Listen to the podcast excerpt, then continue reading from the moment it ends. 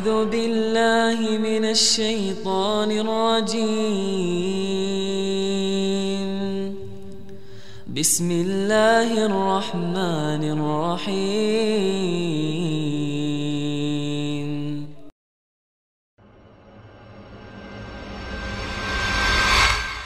Bagaimana kita bisa bertahan sedangkan hijrah adalah ujian?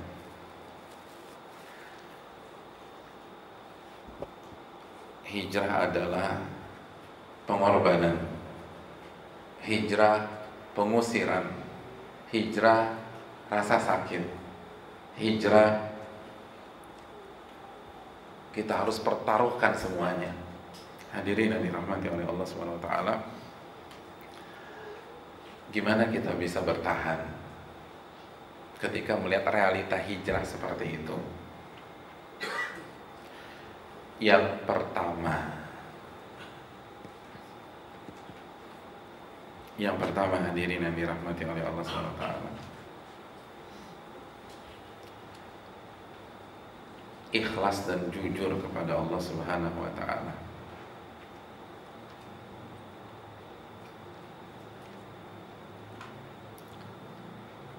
Yang kita cari hanya Allah. Allah berfirman tentang orang-orang yang hijrah dalam surat Al-Baqarah ayat 218. Innal ladzina amanu wal ladzina hajaru wajahadu fi sabilillah ulaika yarjuna rahmatallah wallahu ghafurur rahim. Sesungguhnya orang-orang yang beriman dan orang-orang yang berhijrah. Dan orang-orang yang berjihad di jalan Allah Subhanahu wa taala. Apa yang ada dalam hati mereka? Ulaika yarjuna rahmatullah. Mereka adalah orang-orang yang hanya mengharapkan rahmat Allah. Mereka tidak mengharapkan pujian mereka nggak peduli tentang eksistensi di masyarakat, di sosmed, di lingkungan kerja, di lingkungan kampus. Ingat, bukan tidak eksis, tapi mereka bukan itu tujuan mereka. Bukan terkenal, tapi bukan keterkenalan yang menjadi tujuan dan ambisi mereka. Kalau terkenal, seluruh ulama juga terkenal. Imam Syafi'i terkenal, Imam Ahmad terkenal, Imam Malik terkenal, Imam Abu Hanifah terkenal, Sa'id bin Musayyib terkenal. Sahabat terkenal, Abu Bakar terkenal. Padahal Abu Bakar berhijrah kepada Nabi SAW. Tapi Abu Bakar nggak peduli jadi orang terkenal atau enggak. Di dalam hati Abu Bakar nggak ada ambisi untuk terkenal. Di dalam hati Umar nggak ada keinginan untuk eksis. Di dalam hati Khalid bin Walid nggak ada ambisi jadi panglima. Makanya hadirin antum harus baca sirahnya Khalid bin Walid hadirin. Itu dalam loh. Itu orang yang hijrah. Itu orang yang ikhlas. Bayangkan beliau adalah panglimanya Nabi SAW Saifullahil Maslul. Itu andalannya Nabi.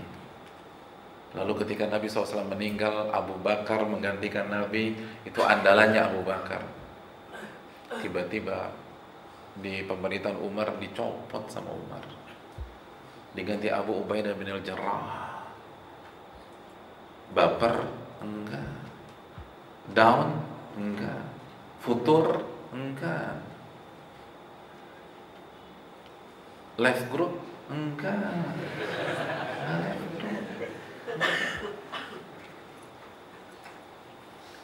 Tenang-tenang aja deh.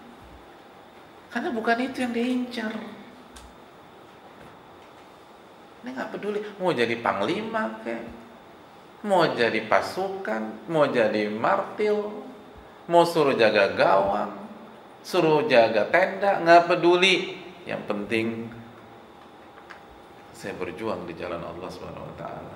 Makanya kan apa kata Nabi SAW tentang orang-orang yang ikhlas? Kata Nabi tentang orang yang ikhlas in kana fi siqaya kana fi siqaya wa in kana fil hirasa kana fil hirasa. Tuba lahu tuba lahu. Kata Nabi SAW orang yang ikhlas itu kalau ditempatkan untuk nimba-nimba dan nuang-nuang air semangat tuh nimba-nimba sama nuang air semangat nih.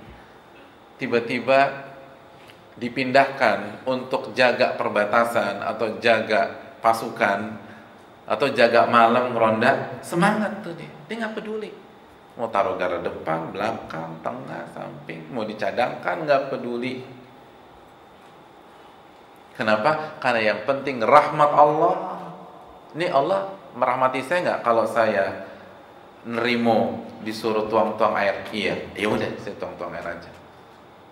Eh kamu jadi tukang parkir. Kira-kira kalau saya jadi tukang parkir, Allah sayang dan merahmati saya nggak? Oh iya, wah oh, udah saya jadi tukang parkir deh. Ustadz ini saya mau hijrah nih, tapi gaji saya 70 juta tapi jelas nih haram, ngedolimin orang. Kalau saya keluar, tiba-tiba di bawah UMR, kira-kira Allah sayang sama saya nggak? Insya Allah sayang. Ah yaudah, itu aja deh, itu. Allah. Itu aja deh. Orang yang hijrah. Bukan bisa eksis nggak ya? Berarti udah nggak bisa ke Orchard lagi dong. Nggak bisa jalan-jalan ke Kuala Lumpur. Ya aduh itu mau hijrah, nggak bisa. Itu traveling bukan hijrah. Hijrah itu udah gak mikir. Sahabat hijrah dari Mekah Madinah gak mikir udah. Dia korbanin semuanya. Abdurrahman bin Auf mulai dari nol nol nol udah. Nol. Kayak pom bensin Pertamina mulai dari nol ya pak. Nol nol. Nggak ada apa-apa. Dulanya ala suk tolong kasih saya jalan menuju pasar. Saya mau berjuang lagi dari nol itu mereka nggak mikir. Gimana ya? Petanya di sana mappingnya kira-kira marketnya di sana gimana? Nggak dia nggak mikir. Nah Allah suruh hijrah hijrah. Itu kan. Jadi jujur nggak kita kalau hijrah? Yang kita incer tuh rahmat Allah. Bukan gimana gimana jadi masalah banyak. Bukan itu. Makanya kan Allah katakan kalau kami perintahkan mereka untuk menumpahkan darah mereka atau mencabut nyawa mereka dan keluar dari rumah mereka nggak ada yang berani melakukan itu kecuali segelintir dari mereka. Kenapa? Karena orientasinya rahmat Allah. Pertanyaannya, ini Allah sayang nggak sama saya kalau saya begini? Iya, ya udah eksekusi aja.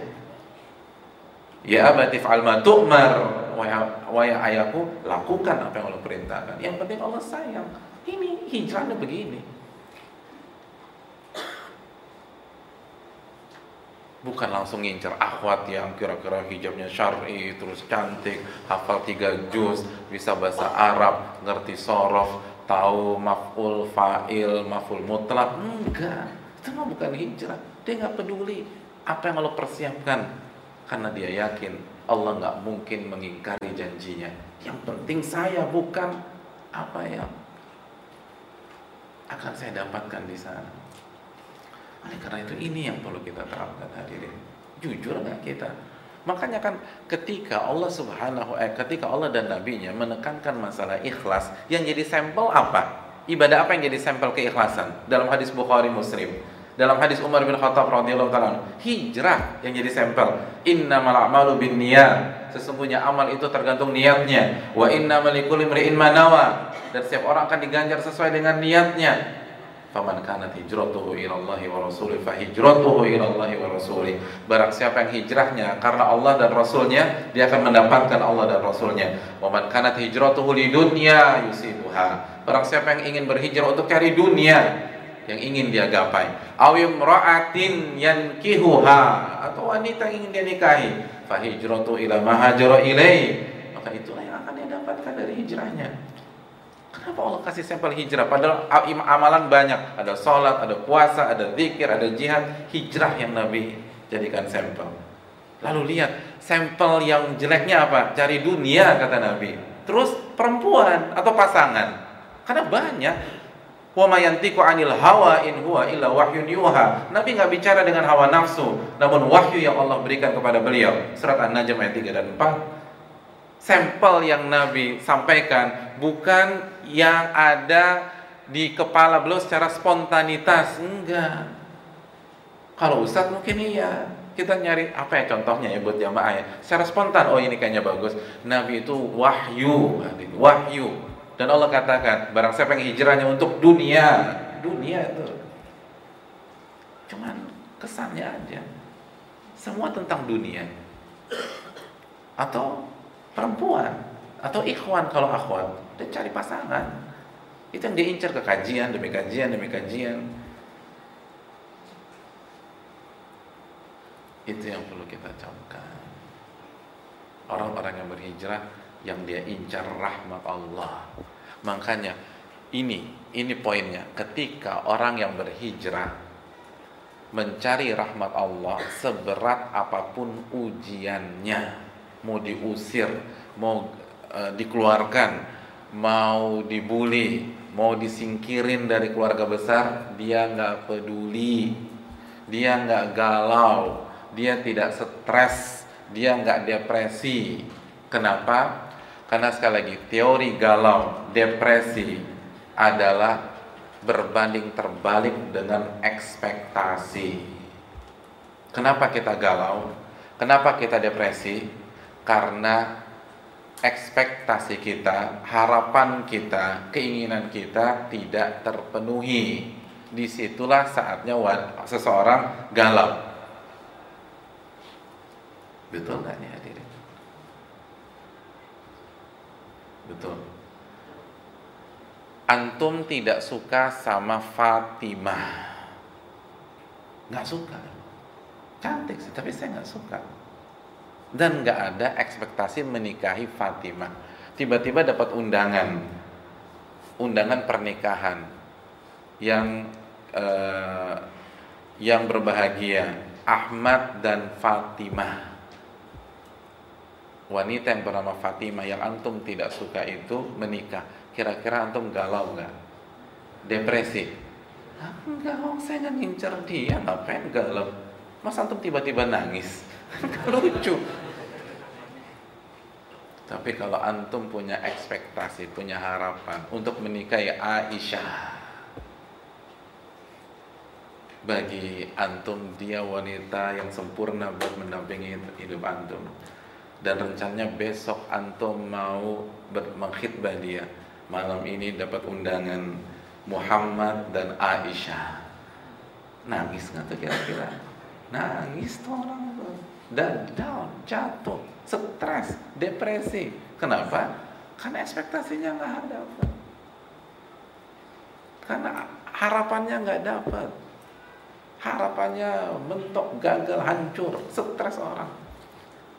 Jadi orang stres, orang galau bukan karena beratnya masalah.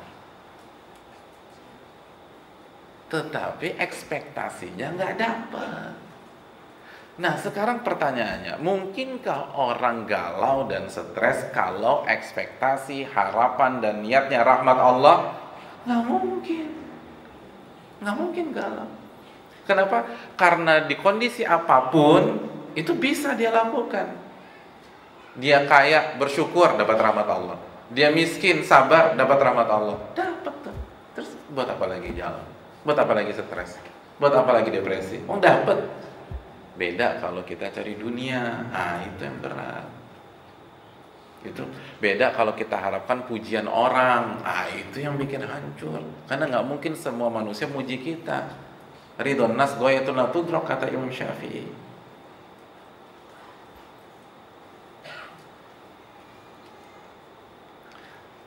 yang buat galau itu kita berharap saat kita berhijrah komunitas yang ngaji menerima kita ternyata enggak.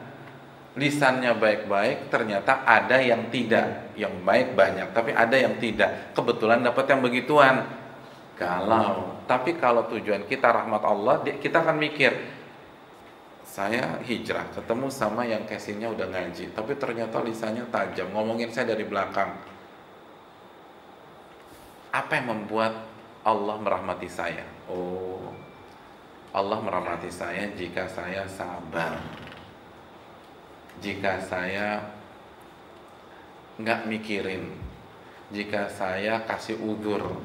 Apalagi kalau saya memaafkan, ya udah deh, yang penting dapat rahmat Allah. Lempeng tuh hidup enak, nyaman. Yang kedua hadirin, gimana biar kita bisa bertahan? Hadirin yang dirahmati oleh Allah. Sebelumnya saya mau tanya, antum kan berhijrah nih. Rencananya antum berhijrah sampai tahun berapa? 2018 atau 2019? Saya rencananya 2020 Pak Ustaz, persis setelah Pilpres. Hubungannya apa? Hubungannya apa? Nggak jelas. Yang 2018 angkat tangan, angkat tangan. 2018. Nggak ada. 2019 Nggak ada. 2020 Nggak ada. Berarti banyak yang akhir 2017.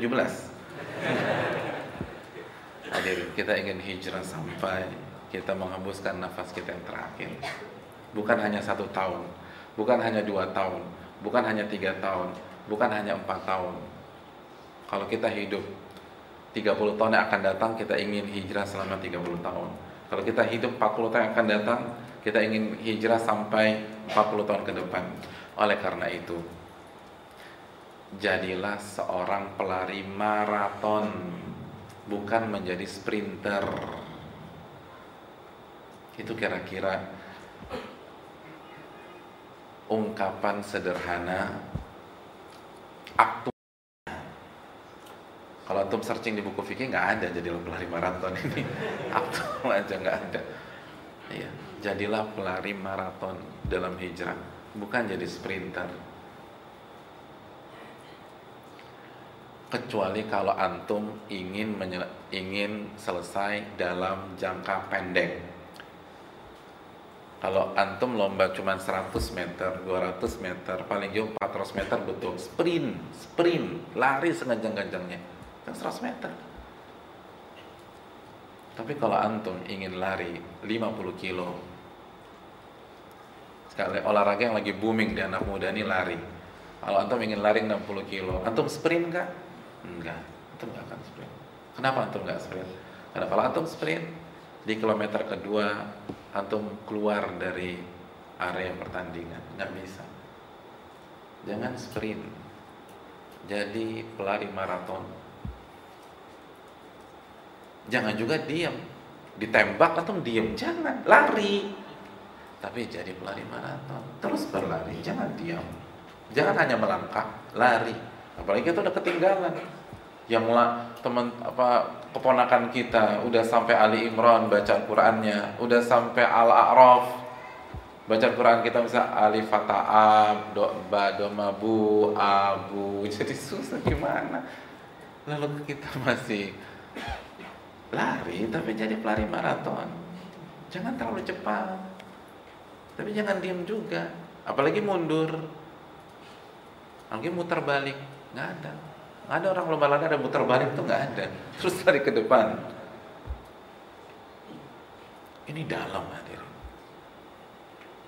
Dan yang jadi masalah banyak yang hijrah di awal-awal jadi sprinter semua. Semua dikejar sama dia semua dibaca. Lalu langsung dipraktekkan di dalam keluarganya. Bukannya praktekkan didakwahi semuanya. Dikumpulin tuh seluruh keluarga besar. Seperti Nabi mengumpulkan orang-orang Quraisy. Ya benar Nabi mengumpulkan orang Quraisy itu setelah berapa tahun? Beliau eksis dengan mereka. Nggak bisa. Semua kajian dikejar semua dikejar. Nggak ada ulama begitu Ulama belajar satu-satu. Dan wajar secara psikis seseorang yang sedang menikmati hal yang baru itu cenderung berlebihan. Anak kecil, dapat mainan baru dimainin terus tuh. Tapi kalau orang tuanya tidak punya tidak punya manajemen waktu dan frekuensi saat si anak mainkan mainannya, kira-kira bosannya kapan? Cepat. Beda dengan yang dibatasi kamu hanya boleh main di weekend ya, 3 jam. Itu lama tuh. Jadilah pelari maraton. Lari tapi bertahap. Lari tapi bertahap. Itu metode Allah dan Rasulnya. Kenapa Abu Bakar bisa eksis? Umar bisa eksis? Ali bisa eksis, Uthman bisa eksis. Karena mereka pelan-pelan hadirin. Allah berfirman dalam surat Al-Isra ayat 106 wa Qur'anan faraqnahu litaqra'ahu 'alan nasi 'ala mukth wa nazzalnahu tanzila. Al-Qur'an. Kami potong-potong. Saat kami turunkan. Potong-potong. Nggak komplit uh, Al-Fatihah sampai Anas langsung disuguhkan. Kami potong-potong. Biar apa? Litaqra'ahu 'alan nasi 'ala mukth agar Anda wahai Muhammad menyampaikan kepada manusia sesaat demi sesaat. Potongan demi potongan. Pelan-pelan pelan-pelan mukth jeda dulu.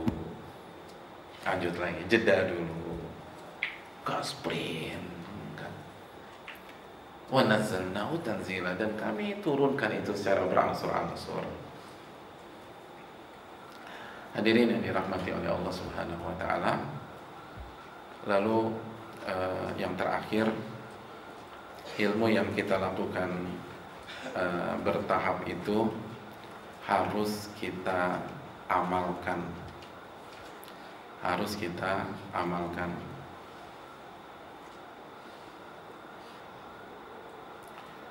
Harus kita amalkan.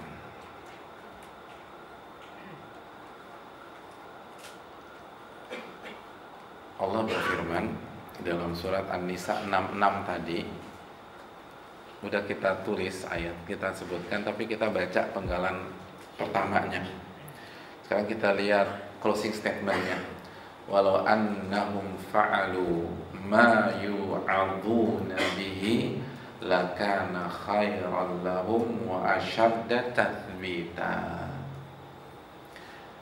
kalau mereka mengamalkan apa yang mereka dapatkan dari nasihat dari ilmu maka itu yang terbaik buat mereka. Dan asyadda tathbita dan akan mengokohkan mereka akan membuat mereka istiqomah dalam hijrah mengokohkan nggak terombang ambing Nah itu tadi, kenapa harus bertahap dalam ilmu? Karena ilmu itu bukan teoritis, ilmu itu bukan joke, ilmu itu bu, walaupun disampaikan secara humoris boleh selama selama sesuai dengan dosis. Tapi ilmu itu bukan retorika, ilmu itu dapat diamalin, dapat diamalin. Kalau antum overdosis berarti antum harus mengamalin juga secara overdosis dan nggak sanggup, nggak sanggup. Pelan-pelan pelan-pelan. Nggak akan bisa pecah konsentrasi kita. Harus diamalin. Satu-satu. Satu-satu. Dan bertahap. Karena antum harus amalkan baru antum akan istiqomah dalam hijrah. Antum bertahan. Kalau antum nggak amalkan nggak akan bisa. Antum kayak belajar berenang. Nggak pernah diamalin nggak pernah masuk kolam ya udah. Tenggelam terus gaya batu terus kalau ada apa-apa. Nggak bisa. Nah untuk bisa gaya itu kan bertahap. Harus latihan kaki dulu pakai pelampung tangan kaki dulu yang gerak tangan pegangan sama itu. Kan gitu antum pernah ikut latihan renang nggak Pernah kan? Siapa yang ikut latihan rap pertama kali gaya kupu-kupu? Yang pantatnya nungging, nggak bisa. Ya Allah, nggak bisa. Itu bertahap. Dan guru pelatih renang yang baik ketika punya anak baru, baru tiga kali latihan, request gaya kupu-kupu dia nggak akan ajarin, nggak akan ajarin. Pelatih saya ajarin gaya kupu-kupu, aku suka banget tuh sama kupu-kupu Enggak. Saya tambah deh biaya biayanya tiga kali lipat. Enggak. Enggak. Enggak bisa. Kupu-kupu nanti ada waktunya. Itu bab 20 tuh nanti aja. Karena kalau diajarin nggak bisa diamalin. Coba diajarin nih gaya kupu-kupu. Diamal, eh, saya ajarkan gaya kupu-kupu langsung dicemplungin di kolam 3 meter. Udah ditalkin aja tuh mati. Belum belum belum belum belum belum. Nggak Nggak bisa dia, diajarin juga nggak bisa diamalin. Nggak bisa, percuma. Ngapain nggak dia, ngapain diajarin? Nggak bisa diamalin. Padahal untuk bisa sukses harus diamalin. Baru asyad tafbita, diamalin tuh. Belajar, diamalin, baru